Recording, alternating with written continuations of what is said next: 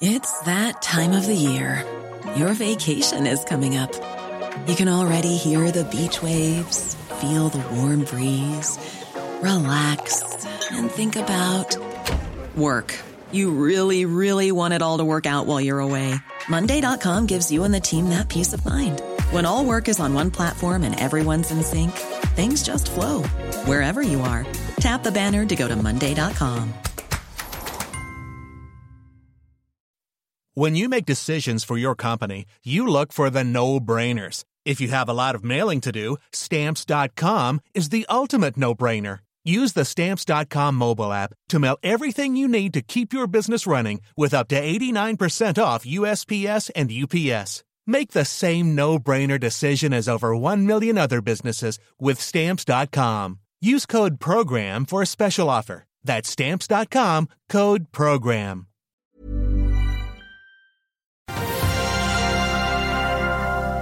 Er det sprekker i havvindglansbildet? Et stort resultatvarsel fra Ørsted. Sjefen i Scandia Green Power går på dagen, og gründeren i Netflix trer vi si, litt tilbake. Det er fredag 20. januar. Velkommen til Børsmorgen.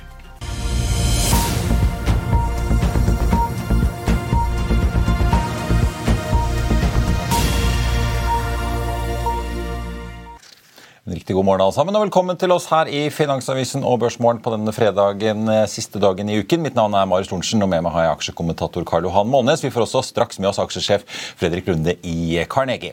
På Wall Street i går så endte det ned får vi si, nok en dag. 0,76% i minus både på Dow Jones Industrial Average og SMP 500. Nasdaq endte ned 0,96. I Asia i eh, natt og i morgentimene får vi si, så har eh, uken avsluttet litt nede på den positive siden. så vi får håpe at vi får litt eh, drahjelp derfra i dag. Hang Seng ledet an i Hongkong da, med en oppgang på 1,6 etterfulgt av Nikkei, som opp, ligger opp da 0,6. Shanghais eh, CSI 300-indeks også opp da 0,6. Og Som Roger Berntsen i Nordnett påpeker i sin morgenrapport, så har Asia startet året vesentlig bedre enn børsene i Vesten så langt. Han og med Markets venter for øvrig begge at Oslo Børs åpner opp 0,4% i dag fra start, etter det ganske sure fallet på 1,45% i går. Det betyr, får vi også ta med, at vi så langt da i år er ned 0,5% på hovedindeksen.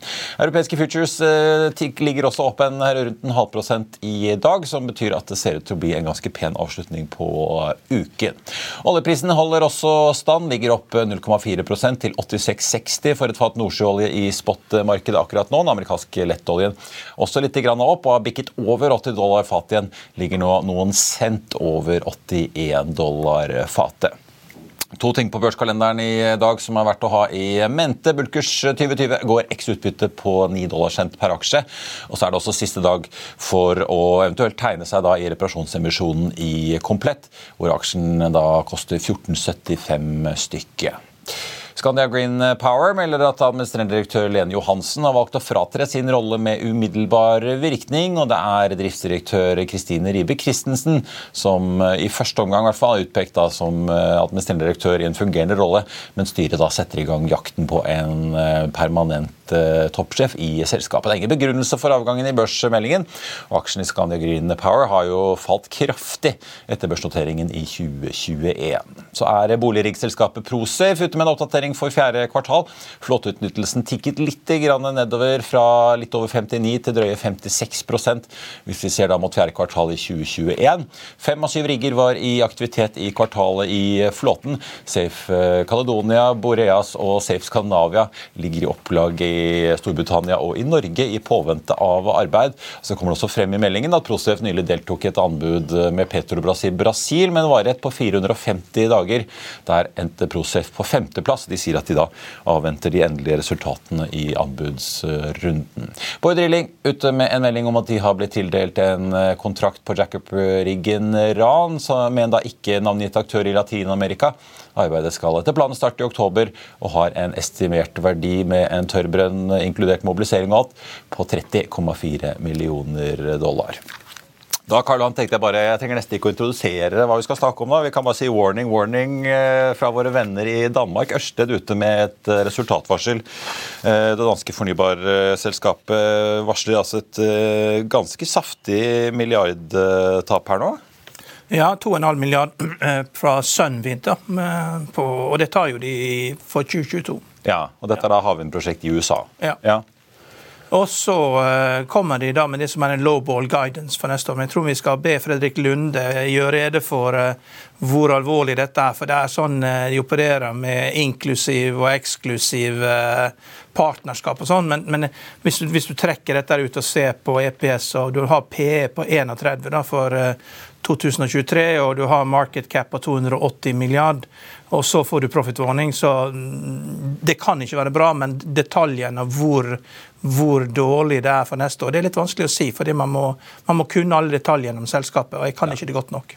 Nei, det er ja, 2,5 milliarder uh, i hvert fall ut uh, der, ja. Ellers så holder det jo uh, altså EBITDA-guidingen sin uendret fra i år til i fjor. Uh, sier de venter oppgang på havvind, stabilt på landvind og nedgang i, i bioenergi og andre inntektskilder. Ja. ja. Og så sier de at de, de er i ferd med å fase ut kull. da, og jeg må vente ett år til med det, og mm, også gjentar guidance da, om å bli eh, karbonnøytral på midten av dette tiåret. her. Ja. Så, ja, de, eh, det er jo et miljøselskap, men det, det, er alltid et problem når ting ikke går helt som det skal, og du har eh, price earnings på 30, og du har veldig høye verdier, og det ikke går rett vei. Du må tjene penger, disse selskapene her også. Men Fredrik Lune kan sikkert dette her veldig godt, så det er bedre at han får ta detaljene. For han er sikkert ferdig med morgenmøtet og fått dette diskert. Carnegie er veldig god på fornybar. Har fått seg en kopp kaffe og sånn. Jeg synes i hvert fall, altså, Det er jo interessante formuleringer de kommer med her. da De sier at havvindindustrien møter nå betydelige makroøkonomiske utfordringer som en, eh, en eh, kostnadsinflasjon de ikke har sett maken til, og kraftig økende rentenivåer fra 2022. Ja. Så Det virker jo som et skikkelig stormvarsel som treffer dem, som de beskriver. Ja. ja. Men eh, da er det godt å ha eksperter å ty til. Vi skal ta inn uh, Fredrik Lunde rett etter reklamen. Jeg tenkte bare å ta med først. Bård Rilling stiger en 3% fra starten. og Vi har fått noen sekunder med handel på Oslo Børs. Hovedindeksen tikker oppover 0,6% nå, 1190 poeng skal vi også holde et øye med Ørsted-aksjen nede hos våre venner på København-børsen. Eh, og Scandia Green Power foreløpig ingen eh, omsetning, så den eh, skal vi også vente litt med før vi konkluderer hvordan den slår ut etter meldingen da, om at sjefen går på dagen. Vi er tilbake rett etter dette. Vil du bli oppdatert på det viktigste som har skjedd innen finans og næringsliv? Da er det bare å følge med, for hver morgen er jeg, Marius Lorentzen og aksjekommentator Karl Johan Malnes på plass i studio for å ta tempen på dagens marked i Børsmorgen. Og hver ettermiddag oppsummerer vi alt du trenger å vite i økonominyhetene, og det blir selvfølgelig masse interessante gjester. Klikk deg inn på fa.no-tv, eller søk opp Børsmorgen og Økonominyhetene der du hører på podkast.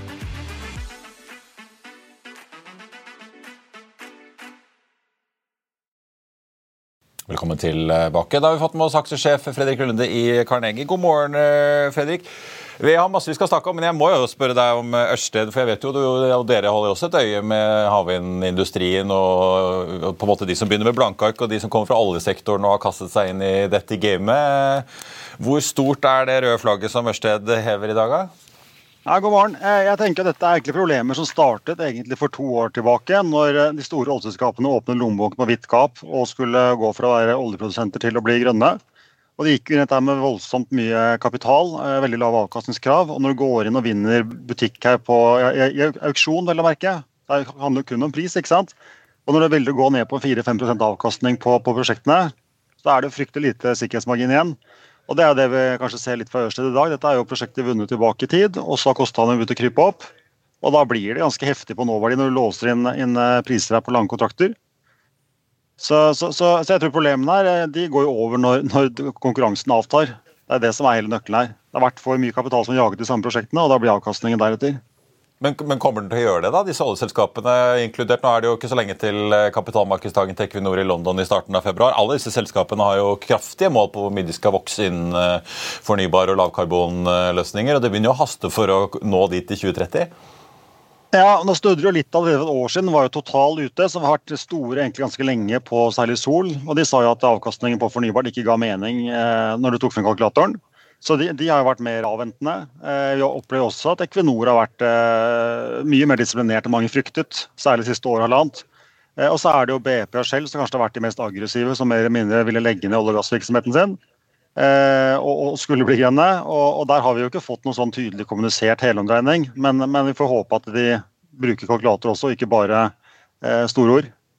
Ja, jeg bet meg merke, for Vi har jo noen selskaper som leverer opp mot uh, disse selskapene i servicesektoren. Vi har uh, og IVS og uh, Bonheur og en del som jobber opp mot sektoren her. og jeg ser jo Ørsted skriver at det er særlig kostnader i installasjon og tilhørende tjenester som driver prosjektkostnadene oppover. Du som har fulgt oljeservice tett i mange år. Er det egentlig sånn gode nyheter for alle disse serviceleverandørene at, at det er liksom et press på å få disse parkene ferdige og ting må bygges ut? Det er jo det. og Vi hadde CV7 her også senest i, i går. og, og Kommunikasjonen for hele bransjen er at lønnsomheten har vært for dårlig på, på, disse båtene. Det er dyre skip som skal betales ned, og det har man ikke fått på de kontraktene som har vært i markedet. Eh, og så handler det jo dels om, om, eh, om, pris, men det handler også mye om risikostyring. For dette er jo en relativt umoden bransje. Eh, offshore vind har vokst veldig hurtig. Og Det minner jo mye om reisen vi hadde i oljeservice på, på 90-tallet, hvor man tok på seg store prosjekter, hadde kanskje ikke helt riktige kontrakter eller, eller risikostyring, og, og, og, endte med at det ble ubalanse i hvem som skulle ta, ta, regningen. Så jeg tror Den store økningen for leverandørene er nok ikke pris alene, men vel så mye at man har fått skjøvet mye mer risk nå over på utbyggerne, som er mye bedre egnet til å, til å ta dette. Type værrisiko. Ja. Hvordan, hvordan, skal man tolke guidance på 20-23 milliarder i EBITDA? Er det, er det X eh, partnerships, og hva er konsensus sammenlignet med det tallet de har gitt der? Konsensus er 24 eh, milliarder og guidingen på 20-23. Så, så okay. den er litt på nedsiden. Så tror jeg man skal se litt bak det. Det er jo også en, en de guider opp på bidraget fra, fra, vind og ned fra jeg husker ikke hva det kalles segmentet, men dette som er eh, kull og, og bioenergi. Ja. Og, og markedet setter normalt en mye høyere multiple på dette som er vind. Um, så er, kan man jo også gå tilbake og spørre hvilke grunnlag har de for å guide. De har jo skuffet ganske stort på guidingen sin gjennom siste året. Uh, du er jo avhengig av vindproduksjon og strømpriser. Og Erfaringen i fjor var jo at man hadde solgt mye strøm på fastpriskontrakter. Så er problemet når man får mye vind inn i energiforsyningen, at prisen gjerne blir lav når det blåser. Og Da har man jo mye å selge når prisen er lav, og så har man lite å selge når prisen er høy. Og Om man da hedger seg, så må man jo kjøpe inn strøm på høye priser når man har lite produksjon. Så det er jo en litt uh, uheldig uh, effekt av akkurat den biten der, da. Når vind har blitt såpass stort i, i energi. Vi må få Statkraft på børs. Det er mye hyggeligere. Da kan man sitte der og skru på, skru på demningen og styre akkurat når man vil selge. Det er mye høyere verdi på den kraften, det er det. ja, det er det. Vi får, vi får se om eh, Jeg er litt i tvil om dagens regjering kommer til å ta Statkraft på børs, men you never know. Eh, la, la, oss gå litt videre til oljeservice, som vi også så, Dere var nylig ute her eh, og i går eller foregårs oppjusterte kursmålet litt på Aker Solutions fra 48 til 51. Den ligger jo på en 40 kroner nå. Det det virker litt som om eh, både dere og andre nesten går og tror at man skal få enda mer positive overraskelser når disse oljeserviceselskapene kommer med kvartalsrapportene sine. Er det, er, det, er det, noen prosjekter vi ikke kjenner til som de plutselig har fått ordre på, eller hva er det som gjør at, man, at dere og andre er så positive, tror du, Fredrik? Nei, men For å sette ordreinntaket i Aker i kontekst, så har de jo nå dobbelt så mye ordre som de har hatt eh, historisk i ordreboken sin. Det er, altså, du kan gå tilbake til 2012, 13, 14, når det var virkelig heydays etter markedet. Og de har dobbelt så stor ordrebok. Eh, så jeg syns de har fått lite betalt for det. Og, og, men det mest spennende nå er jo marginene, tror jeg. De har sikret en kjempesåle, kjempevisibilitet. Og så har det vært, som jeg vel nevnte sist også, en ganske unik situasjon. Det har vært to konkurrenter på norsk sokkel som konkurrerte om EPC-tjenester, og to konkurrenter på subsea-tjenester. Og, og, når du da sitter rundt et bord med én konkurrent i realiteten, eh, du vet at kundene har dårlig tid, de må gjøre dette, så blir jo prisingen deretter. Og gitt som du sier, norske politikere og skattepakken, så var det jo ikke noe alternativ å gå til koreanske verft for å gjøre dette arbeidet. Dette måtte gjøres på norske verksteder. Og da tror jeg prisingsmakten har vært, eh, vært deretter. Så jeg er veldig spent på hva Solutions kommer til å si på, på fjerde kvartal. Jeg håper og tror de kommer til å, å gi en del indikasjoner på hvor de ser lønnsomheten kall det 2025-2026, når disse prosjektene begynner å, å bidra på marginene. Og det fascinerende, Konsensus ligger jo egentlig med flate marginer på rundt 7 EBDA fremover. og Det er der de har vært nå de siste seks-syv årene. Og Nå har de gjennom tøffe år med lave volumer og, og, og, prispress. Det er klart, Med kraftig volumvekst som burde skalere, og prisingsmakt, så tror jeg marginene kan bli vesentlig bedre enn de 7% markedet tror på. Ja, og så merket jeg meg, Da vi var i Sandefjord her forrige uke, så merket jeg meg Monica Bjørkman i Subsea 7 eh, var opptatt av at det også går så det freser i Brasil. Ja, det er jo mange andre markeder ja. kommer nå. Brasil er et veldig godt eksempel, men også Gulf of Mexico. Eh, Vest-Afrika kommer til å komme. Det er jo et kjempestort marked. Om Vi trenger oljen og gassen her. Den er billig å bygge ut. Eh, så det handler om å bli komfortabel på politisk risiko. Og, og, og, jeg tror den geopolitiske situasjonen har endret seg mye siste året. Og, og det er jo i favør at man kommer til å være villig til å gå, gå litt lenger ut på risikokurven på disse prosjektene. Men er det, er det, sånn at disse kontraktene med norsk sokkel er det sånn kostnadsoverskridelsene de går uh, rett på uh, omsetningslinja til selskapene? At de, ikke har noen fastpriskontrakter der? Det spørs på kontraktene. Jeg vet ikke om du har pusset opp huset eller leiligheten noen gang, men uh, jeg tror det er stor forskjell på om du gjør det første gangen eller femte eller sjette gangen, og hvilken risiko du tar på deg, om du gjør det med vilje eller ubevisst. Og det, og det, tror jeg er litt av nøkkelen på norsk sokkel. Har, som jeg sa, Du har de samme leverandørene og kundene, så nå kjenner han det godt over tid. Og de har funnet en, eh, en symbiose hvor de eh, deler risken med åpne øyne. Og Det har kanskje vært problemene særlig på, på vind, som du nevnte. At det var en del uh, uprøvde kundeforhold hvor man kanskje hadde veldig forskjellige forventninger til hvem som skulle gjøre hva i, i prosjektene. Og da blir det jo fort disputter og, og, store overskridelser. Og det er klart, når du ser risiko som sier, Du har jo hatt et par store prosjekter på norsk sokkel nå som har blitt eh, en del dyrere enn budsjettert og tatt lengre tid enn ventet. Men det har vært type modifikasjon av eldre eh, plattformer osv. Og, og det er jo ikke en risiko som leverandørene kan påta seg. Hvilken stand du tar inn en 20 år gammel plattform på verftet på, det er noe kunden må, må, ta. Og det har de også gjort. Hvor mange gamle kabler og rust finner du? Ja. Eh, må, jeg tenkte vi skal snakke, for at du, Sist du var med oss, var eh, på Thanksgiving av alle dager i november her før jul. Eh, og Da snakket vi om et par sånne safe caser eh, som var litt interessante, gitt at vi har hatt et såpass usikkert marked som vi har. Du snakket om både Essity, bleie- og toalettpapir, tørkerullprodusenten i Sverige, men også for så vidt norske Elopak, kartongprodusenten. Eh, begge to har egentlig krøpet og gått ganske bra siden slutten av november. Essity hadde jo begynt å få fart eh, tidligere utover høsten nå. Eh, hvordan ser det case ut nå? Har de, har de klart å få ut prisøkningene sine med økte energiregninger, som vi snakket om sist? Prisøkningene er pushet gjennom jevnt og trutt siste året halvannet. Problemet hit, inntil nylig var jo at ikke kostnadene altså de krøp fortere opp enn prisøkningene. Det er klart, Ser vi nå de siste tre til seks måneder, så har energikostnadene kommet ned. Du har sett eh, fallende containerfrakterater, kraftig fallende. Og vi ser også at pullprisen er i ferd med å vende nedover. og Det er de tre viktigste kostnadsfaktorene i selskapet. Så Når du har rekordstore prisøkninger bak deg, og så begynner kostnadene å komme ned, så skal det være en heftig miks på, på, marginen. Eh, dette er selskap som burde ha ligget på en 12-13 eh, margin, om du ser hvor de kommer fra historisk, og, og, og veksten de har hatt siste ti år. Og så ligger de nå på 8 løpende. Så her kan det bli ganske mye moro neste år. Procter Gamble kom med tall i går. De var skuffende. og Der er P23. Hvordan sammenlignes SET med Procter Gamble når de tallene kommer ut? Hva skjer med Hvordan endrer vurderingen av SET på det? Multiple er jo, er jo ca. halvparten hvis du ser på, på 23 og 24. Og det er basert på at disse marginbedringene skal, skal komme. Eh, så jeg tror det er mye mer selvhjelp når du tenker på så mye. Det er tre store råvarekostnader inn i produksjonen her. Og de kan vi se på skjermen eh, løpende. Alle sammen har vendt kraftig ned. Det er mye mer konkurranse i Norden altså, for SET enn det er for Procter Gamble. Procter Gamble har mye mer grep på markedet sitt. Nei, det er ikke enig. SET har veldig sterke merkevarer. De har nummer én og to posisjoner globalt eh, på sine merkevarer. Og så har de i tillegg white label. Ja. Okay. Men er det noe som Nå ja, Da får vi jo se. da, Nå virker det som det har vært bra fart i markedet, i hvert fall i Asia starten av året.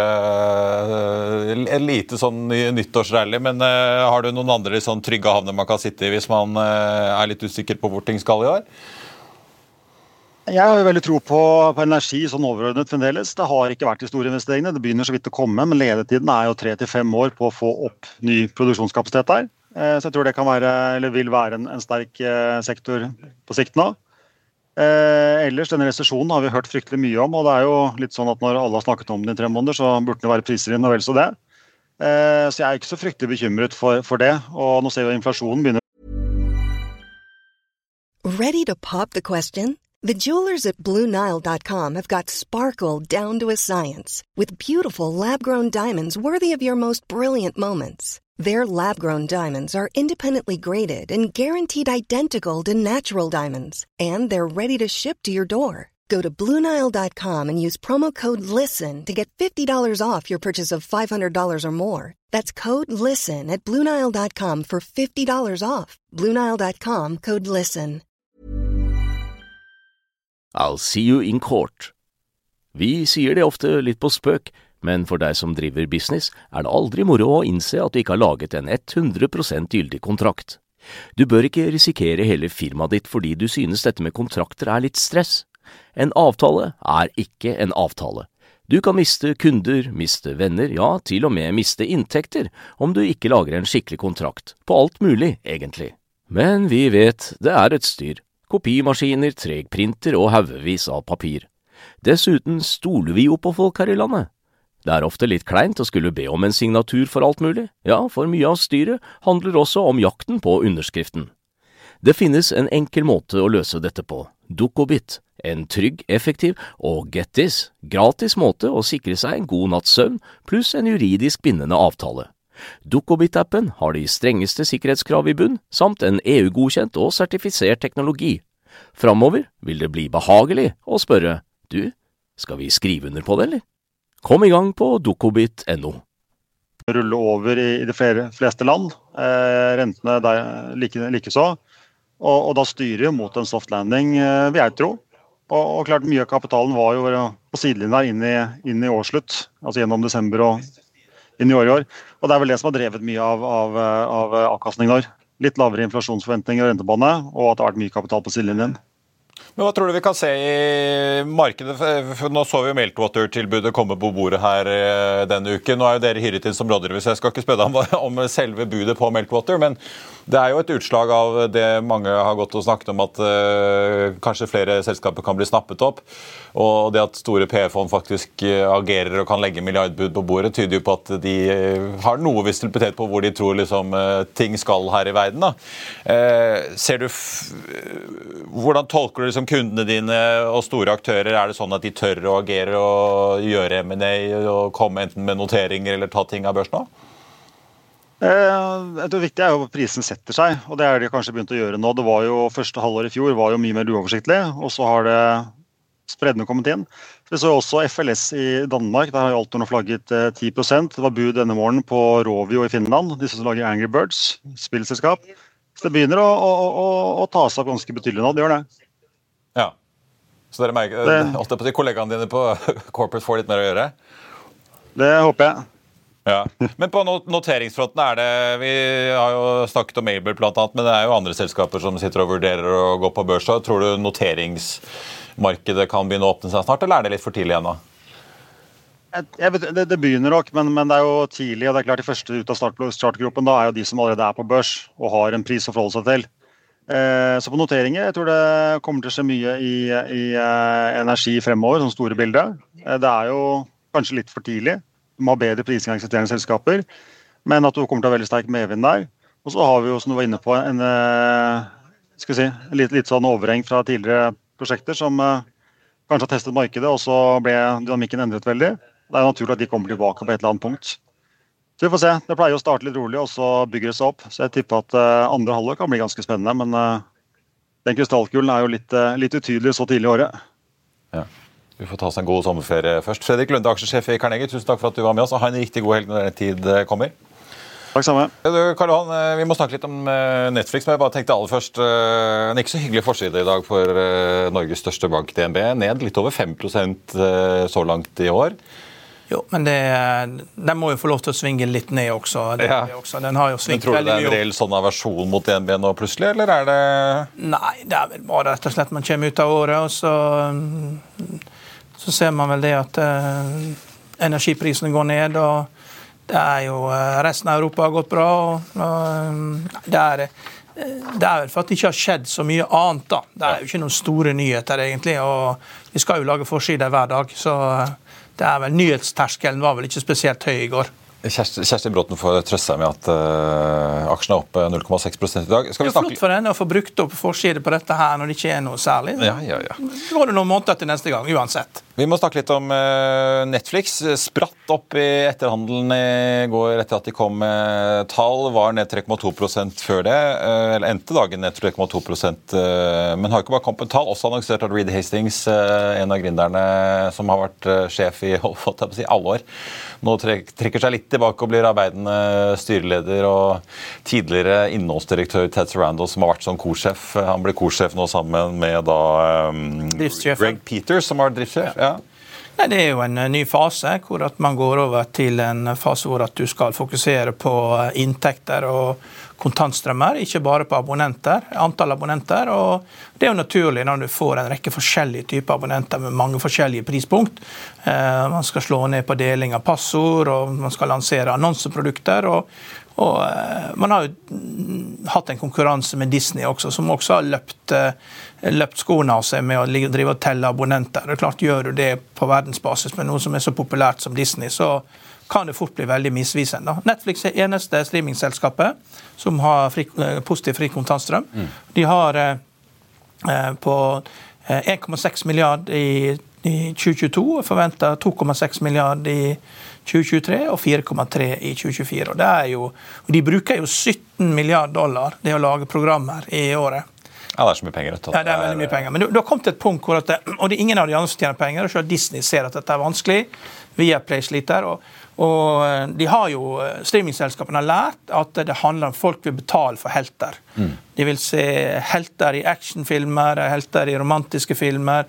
De vil se helter i sport der det handler om å selge helter. Det er det som eh, og, det handler om. Og, og, her skal det konsolideres. Man ser det at det, det er for mange, det er for mange aktører som taper penger. Og Netflix eneste penger. Netflix har vunnet dette. Da.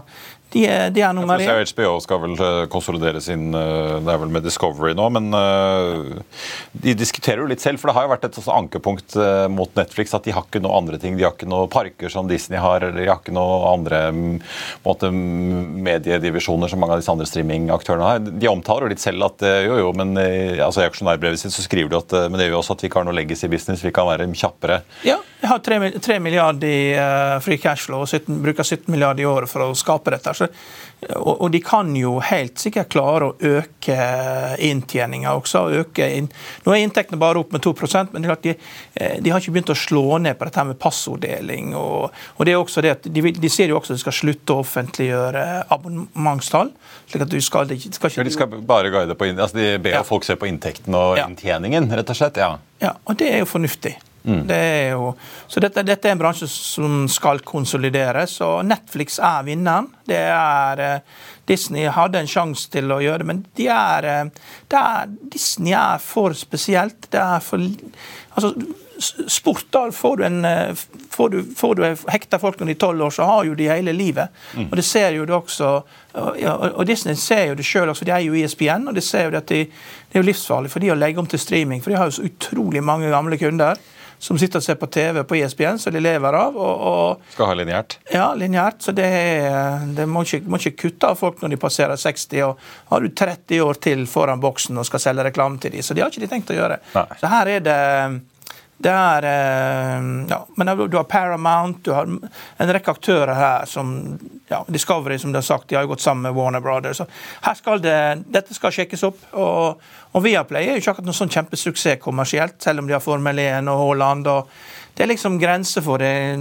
Sant? Hvor gøy er det å sitte og se på Haaland på TV? liksom. Du, du får sett målene likevel. 20 touch per kamp. Det er liksom Ja. Jeg tenkte, men eh, for inntjeningen, eh, altså Epson inntjening per aksje, eller resultat per aksje endte på 12 sett mot ventet 45, men så leverer de jo inntekter på nesten 7,9 milliarder dollar som eh, ventet. Men det var jo kundeveksten som var litt sånn virkelig slo inn. da, 7, nesten 7 millioner netto betalende kunder inn i fjerde kvartal mot 4,6 ventet. Ja. Og De venter også noe vekst i første kvartal. De tapte jo Altså, de var jo netto minus på abonnenter både i første og andre kvartal i fjor. Så begynte de å se litt vekst igjen i tredje kvartal. Det, det som er viktig å følge. Det da folk fikk liksom vekstpanikken, virket det som. Følge med på det er jo eh, estimatutviklingen. Da. Så mm. estimatutviklingen for 2023 har gått fra 16 til 11 dollar.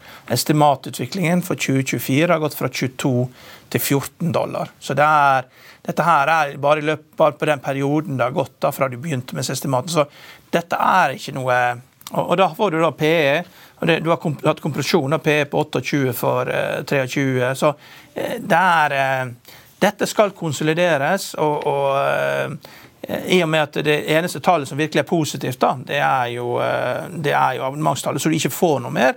Og, og EPS var veldig dårlig fordi at de hadde noen valutatap. og og det er jo sånn, ja, ja men det, Da skal ikke man se på EPS, da, for det spiller ingen rolle. Nei, nei, men eh, det er klart alt det som ikke, alt som er negativt, spiller ingen rolle. det penger igjen på slutten av dagen er penger igjen på slutten av ja, ja, dagen. Så, så Netflix eh, Jeg tror det er for eh, amerikanere som er veldig flinke til å styre. så det er klart det er jo en enorm fordel å ligge foran og være eneste som har god kontantstrøm. Ja. Du har noe som er veldig populært, og du skal begynne å konsolidere og leke med dette her og finne ut hvilke prispunkt du kan eh, selge til de ulike markedene helt klart eh, spennende business case.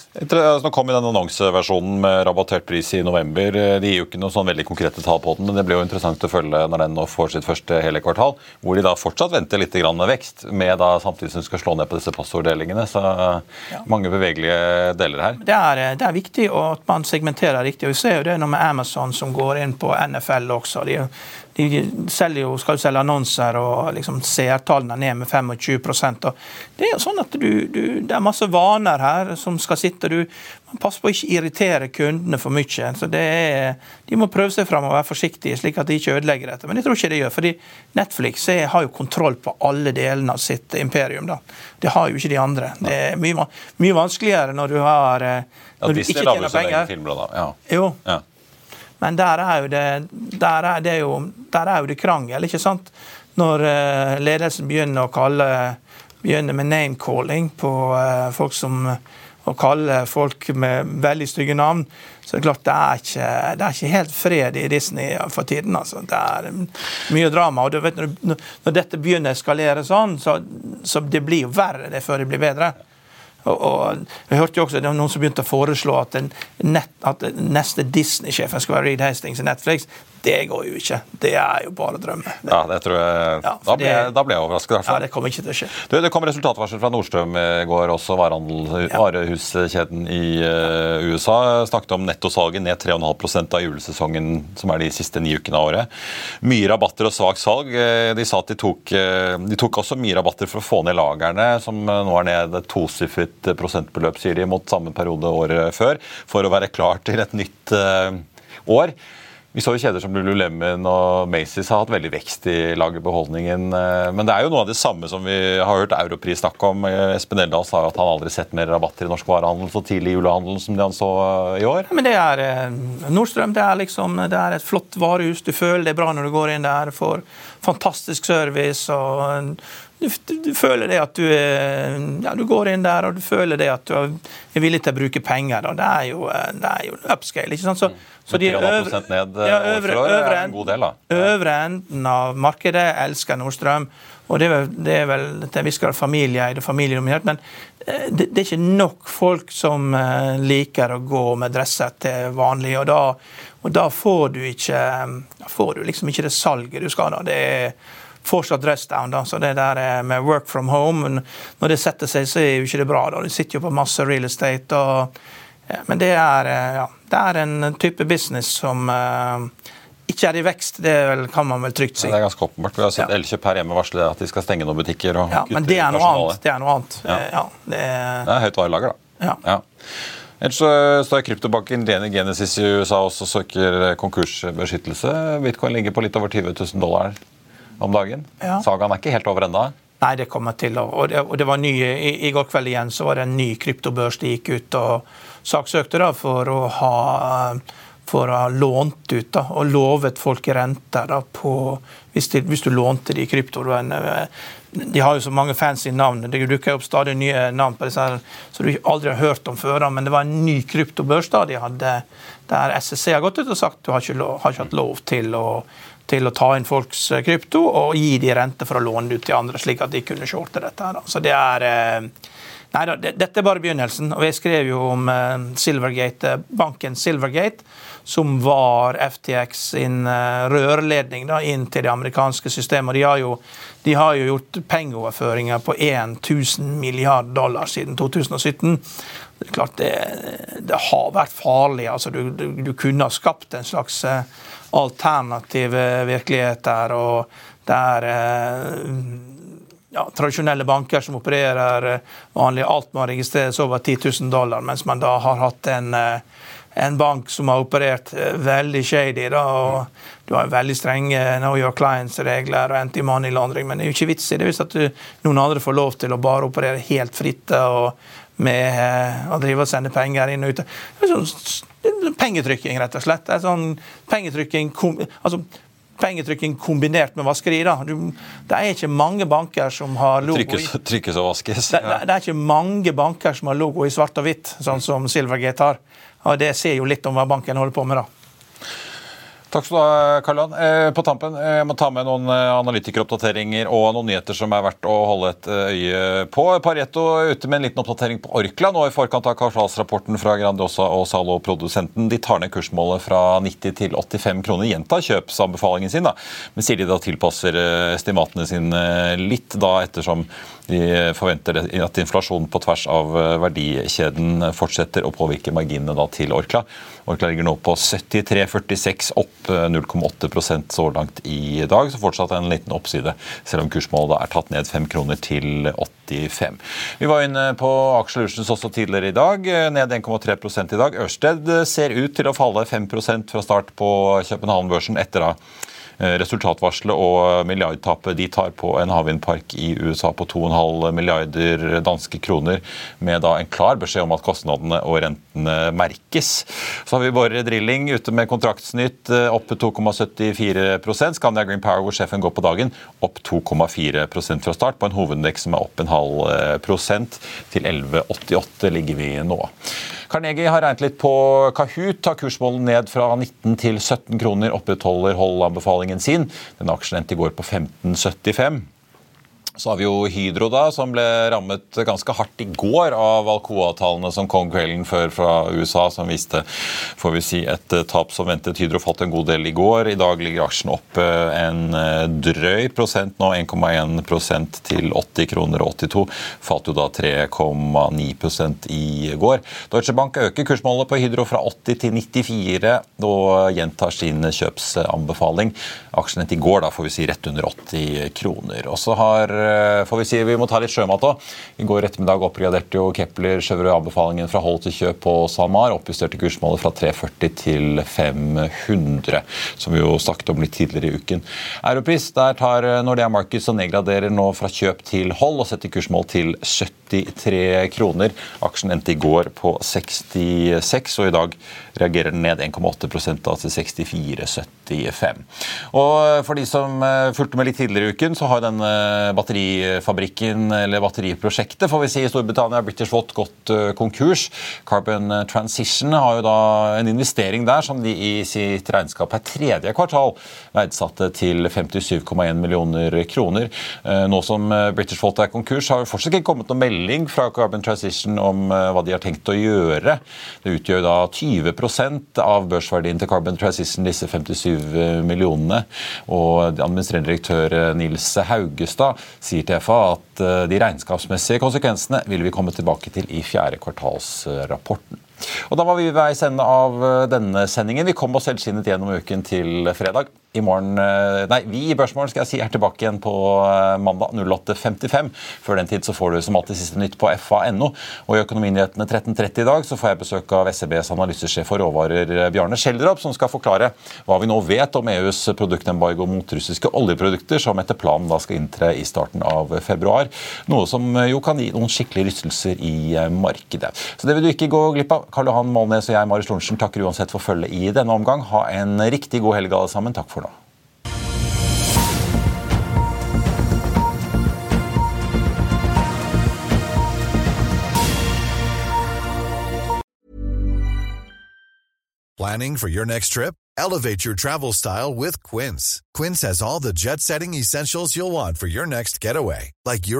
linen, premium luggage options, buttery soft Italian leather bags, and so much more. And it's all priced at 50 to 80% less than similar brands. Plus, Quince only works with factories that use safe and ethical manufacturing practices. Pack your bags with high-quality essentials you'll be wearing for vacations to come with Quince. Go to quince.com slash trip for free shipping and 365-day returns. When you make decisions for your company, you look for the no-brainers. If you have a lot of mailing to do, stamps.com is the ultimate no-brainer. Use the Stamps.com mobile app to mail everything you need to keep your business running with up to 89% off USPS and UPS. Make the same no brainer decision as over 1 million other businesses with Stamps.com. Use code PROGRAM for a special offer. That's Stamps.com code PROGRAM.